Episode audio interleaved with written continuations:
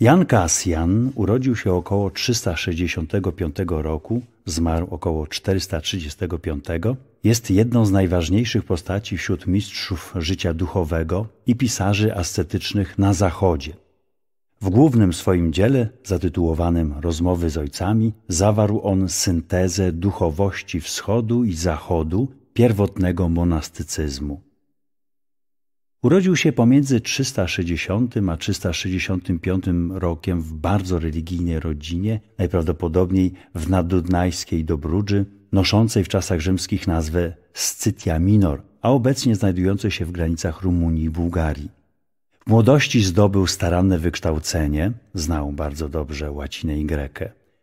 Mając około 18 lat udał się razem z nieco starszym przyjacielem Germanusem do Palestyny, do jednego z tamtejszych klasztorów, gdzie wstąpił do nowicjatu. Pod wpływem rozmowy z Abba Pinufiuszem, który im opowiedział o życiu mnichów w Egipcie, zapragnęli łaski jeszcze większej doskonałości, postanawiając niezwłocznie udać się do Egiptu, jak to potem Jan wyraził w rozmowach. Po złożeniu przełożonym obietnicy rychłego powrotu, obydwaj przyjaciele wyruszyli do Egiptu.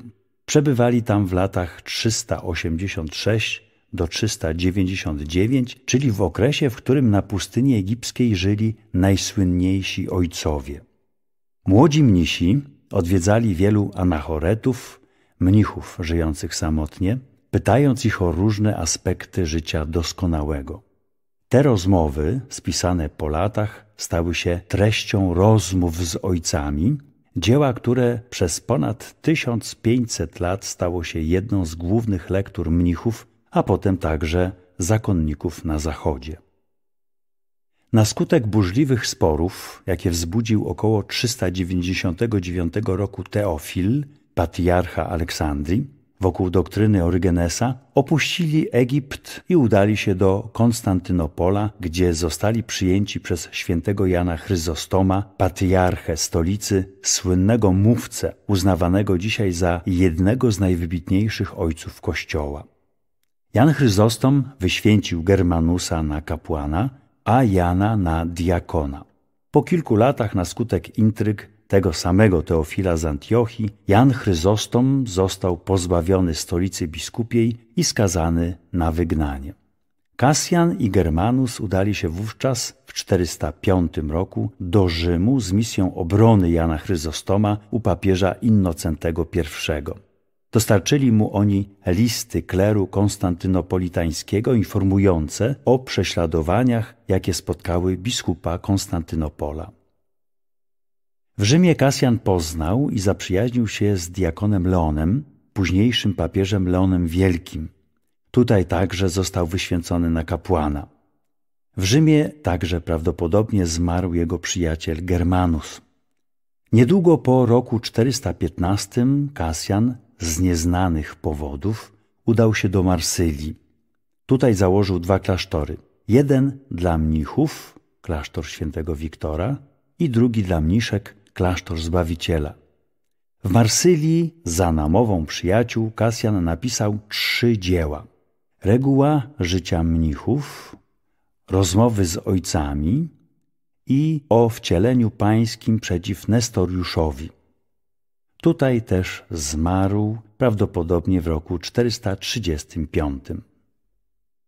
Szczególne miejsce w pismach Kasjana zajmuje modlitwa.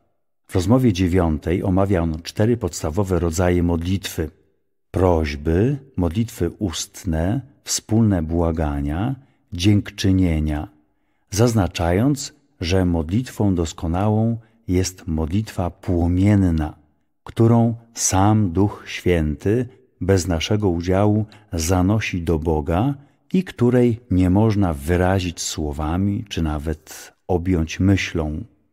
Ten właśnie rodzaj modlitwy, przekraczający wszystko, co podlega zmysłom, Kasjan zaleca mnichom, uważając go za najwyższą formę kontemplacji.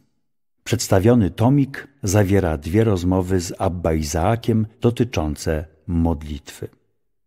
Abba Izaak żył na przełomie IV i V wieku. Pochodził z biednej rodziny. Na pustynię udał się pod wpływem pustelników, którzy w jego wsi sprzedawali swoje wyroby. Był kapłanem w celach. Podobno znał na pamięć całe Pismo Święte. Słynął także z troski o chorych i pielgrzymów, dla których wybudował przytułek.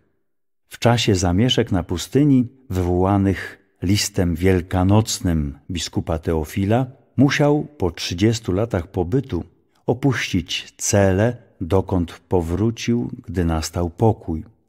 Tematem rozmów dziewiątej i dziesiątej jest wykład Abba Izaaka o modlitwie doskonałej i o sposobie jej osiągnięcia.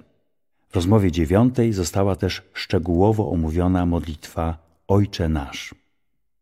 Znaczenie i wpływ Jana Kasjana na rozwój duchowości na Zachodzie trudno przecenić. Jego teksty czytali i na nich się kształtowali praktycznie wszyscy mnisi, a później zakonnicy. Zalecali je czytać Kasiodor, święty Benedykt z Nursi, święty Dominik, święty Tomasz z Akwinu, święty Ignacy Loyola i święta Teresa Zawili, żeby wymienić tylko największe postacie w duchowej tradycji Zachodu. Mamy nadzieję, że publikowany fragment rozmów z ojcami dotyczący modlitwy pomoże współczesnemu czytelnikowi zaczerpnąć coś ze starej, wypróbowanej mądrości w tej dziedzinie i pogłębić swoją osobistą modlitwę. Dlaczego łatwiej wzbudzić niż zachować dobre myśli? Germanus. Szkoda tylko, że z podobną łatwością, z jaką czasem rodzą się w nas dobre myśli, nie potrafimy dłużej przy nich trwać. Ledwie bowiem zostaną wywołane przez wspomnienie słów Pisma Świętego, pamięć o dobrych uczynkach czy rozmyślanie nad tajemnicami nieba, a już niepostrzeżenie zaczynają się nam wymykać i szybko znikają. Podobnie, gdy natrafimy na jakąś inną sposobność do dobrych myśli, od razu pojawiają się w nas rozproszenia, tak, że gdy tylko zdołamy skupić się na czymś dobrym, już nam to umyka z powodu ruchliwości naszego umysłu. Płynie stąd wniosek, że umysł nie jest w stanie wytrwać przy świętych myślach, a jeśli już w nim powstały, to raczej przypadkiem niż w wyniku jego pilności. Jakże bowiem przypisać jego woli ich powstanie, skoro później nie ma nad nimi żadnej trwałej władzy?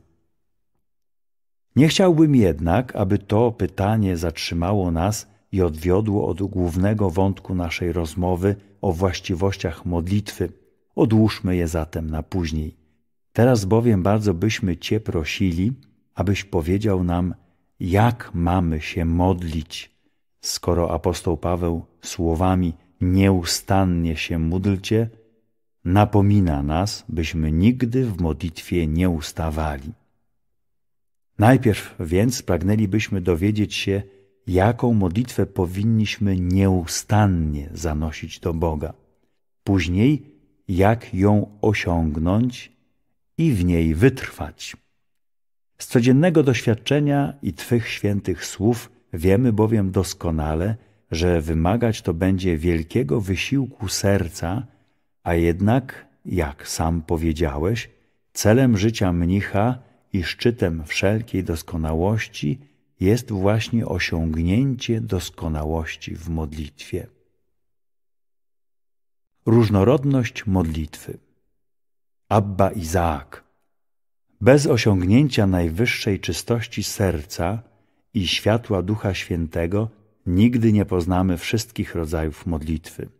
Jest ich bowiem tyle, ile może się ich zrodzić w każdej duszy z osobna i we wszystkich razem. Zdaję sobie sprawę, że ograniczoność mojego umysłu nie pozwala mi ich wszystkich dostrzec, tym niemniej jednak w oparciu o moje niewielkie doświadczenie postaram się Wam coś o nich powiedzieć. Przede wszystkim musimy pamiętać, że modlitwa zmienia się w zależności od czystości serca i stanu ducha, na który składają się czynniki zewnętrzne i nasz osobisty wysiłek. Jak więc widzicie, nigdy nie można modlić się tak samo. Inaczej bowiem modlimy się, gdy nasz duch jest ochoczy, a inaczej, gdy przygniata nas smutek lub rozpacz. Inaczej, gdy ożywiają postępy w pracy duchowej, a inaczej, gdy przytłaczają groźne pokusy. Inaczej, gdy błagamy o odpuszczenie grzechów, a inaczej, gdy prosimy o łaskę, o cnotę lub o wyniszczenie jakiejś wady. Inaczej, gdy przeraża nas myśl o piekle i przyszłym sądzie, a inaczej, gdy pałamy nadzieją i pragnieniem przyszłych dóbr. Inaczej, gdy znajdujemy się w ucisku i niebezpieczeństwie, a inaczej, gdy żyjemy w bezpieczeństwie i spokoju. Inaczej, gdy pełno w nas światła płynącego z objawienia Bożych tajemnic, a inaczej, gdy przygniata nas brak cnót i świętych myśli. Cztery rodzaje modlitwy. Tyle niech nam wystarczy na temat różnorodności modlitw. Wiem, że to niewiele wobec ogromu zagadnienia, ale na więcej nie pozwala nam brak czasu i ograniczoność mojego serca i umysłu. Teraz czeka mnie jednak jeszcze większa trudność, bo chciałbym omówić cztery rodzaje modlitwy wymienione przez świętego Pawła. Zalecam, pisał on, aby były odprawiane prośby, modlitwy ustne, wspólne błagania, dziękczynienia. Nie ulega wątpliwości, że podział ten nie jest przypadkowy. Na samym początku zastanowimy się więc, co oznaczają prośby, modlitwy ustne, wspólne błagania i dziękczynienia. Później postaram się odpowiedzieć, czy powinniśmy modlić się wszystkimi czterema rodzajami równocześnie, czy też każdym z osobna, po kolei, a więc najpierw przedstawiać prośby, potem modlitwy ustne i tak. A może powinno być tak, że jeden prosi, drugi modli się, trzeci błaga, a inny dziękuje Bogu według miary wielkości, której dostąpił przez swą gorliwość i pracę. Kolejność modlitw. Tak jak wspomniałem, chciałbym teraz omówić poszczególne rodzaje i ukazać różnice pomiędzy modlitwą ustną, prośbą i wspólnym błaganiem. Później prześledzimy, czy należy je przedstawiać Bogu osobno, czy wszystkie razem. Na końcu zastanowimy się, czy kolejność, w jakiej wylicza je apostoł, ma jakieś znaczenie, czy też chodziło tylko o ukazanie różnic, a sam porządek jest obojętny. Osobiście uważam takie twierdzenie za niedorzeczne, trudno bowiem przypuszczać, aby Duch Święty wyrzekł coś przez apostoła mimochodem i bez przyczyny. Teraz już jednak, na ile Bóg udzieli nam swej łaski, przejdźmy do omówienia poszczególnych zagadnień. Prośby. Zalecam, aby były odprawiane prośby. Obsekratio to błaganie lub prośba za grzechy, czyli modlitwa ze skruchą o odpuszczenie dawnych lub obecnych win. Modlitwy ustne. W modlitwach ustnych, oraciones, ofiarujemy lub ślubujemy coś Bogu. W tekście greckim euche oznacza bowiem ślubowanie, a słowa tas euchas muto kyrio apodoso łacinnicy tłumaczą moje śluby złożone Panu wypełnię choć można też przetłumaczyć moje modlitwy złożone Panu wypełnię. Podobnie słowa Kocheleta, jeżeliś złożył ślub jakiś Bogu, nie zwlekaj z jego spełnieniem. Po grecku an exe euchen to kyrio można też przetłumaczyć, jeśli modliłeś się do Pana, nie zwlekaj modlitwy wypełnić. Kiedy więc modlimy się? Wtedy, gdy przyrzekamy wyrzec się świata, zerwać z nim wszelkie więzy i całym sercem pragniemy służyć Bogu. Modlimy się, gdy przyrzekamy gardzić światowymi zaszczytami, porzucić ziemskie bogactwa, aby z największą skruchą serca i ubóstwem ducha przylgnąć do Boga. Modlimy się, gdy przyrzekamy przestrzegać doskonałej czystości ciała, niewzruszonej cierpliwości, gdy obiecujemy wyrwać doszczętnie z naszego serca korzenie gniewu i przynoszącego śmierć smutku. Gdybyśmy jednak pofolgowali naszej gnuśności i powrócili do starych przywar, wówczas spadnie na nas wina za zaniedbanie ślubów i obietnic. Pismo Święte mówi nam bowiem, lepiej, że nie ślubujesz wcale, niż żebyś ślubował, a ślubu nie spełnił. Co według tekstu greckiego można też wyrazić lepiej, gdy nie modlisz się wcale, niż gdy się modlisz, a modlitwy nie spełniasz. Wspólne błagania. Trzeci rodzaj modlitwy to wspólne błagania, postulaciones. Mają one miejsce, gdy płonąc gorliwością polecamy Bogu drogie nam osoby, gdy prosimy o pokój dla świata lub gdy według słów apostoła wstawiamy się za wszystkich ludzi, za królów i za wszystkich sprawujących władzę. Dziękczynienia. Ostatni, czwarty rodzaj to dziękczynienia, gratiarum actiones, które w niewysłowionym zachwycie dusza składa Bogu za dary otrzymane w przeszłości, dary obecne i za wielkie dobra, które Bóg przygotował w przyszłości tym, którzy Go miłują. Kiedy bowiem dusza czystym wzrokiem zobaczy nagrodę, jaką Bóg odłożył dla swoich świętych, jej modlitwy stają się od razu obfitsze, bo ożywiona tym widzeniem z niezmierną radością składa Bogu niewysłowione dzięki. Zalecenia dotyczące wymienionych modlitw.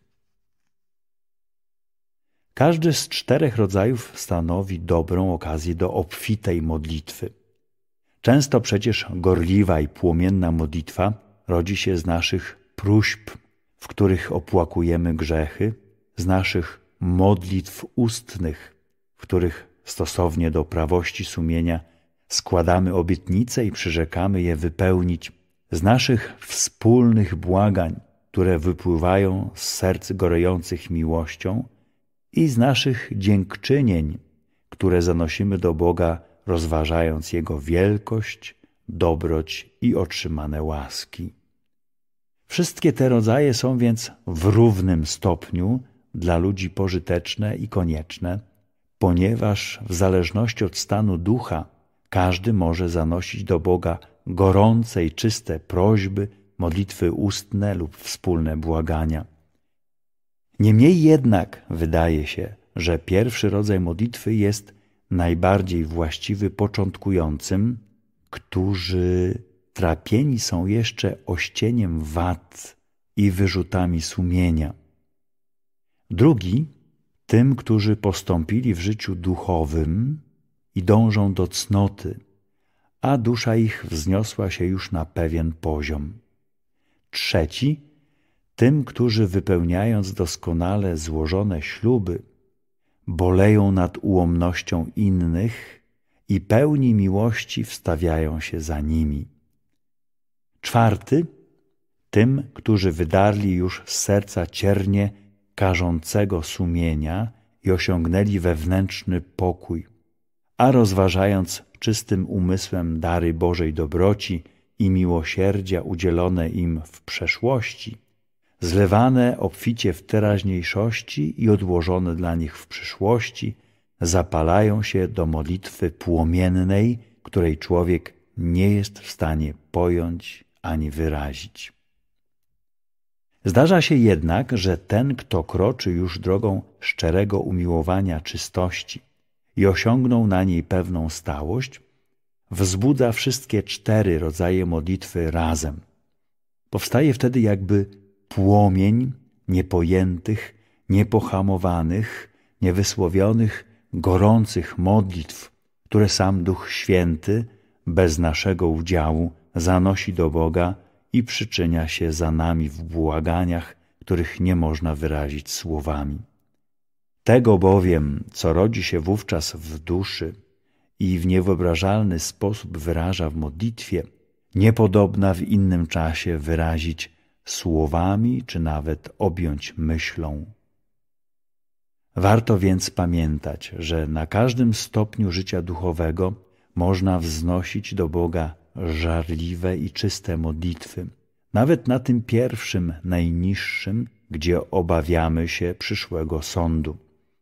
Ten, kto lęka się wyroku i kary, może bowiem w pewnej chwili wzbudzić tak wielką skruchę, że z powodu obfitości próśb jego duch napełni się gorliwością równą temu, kto po osiągnięciu czystości serca rozważa otrzymane od Boga dobrodziejstwa, tonąc w niewysłowionej radości i weselu. Sam Pan powiedział przecież, że komu wiele odpuszczono, ten wiele miłuje. Do którego rodzaju modlitwy powinniśmy dążyć?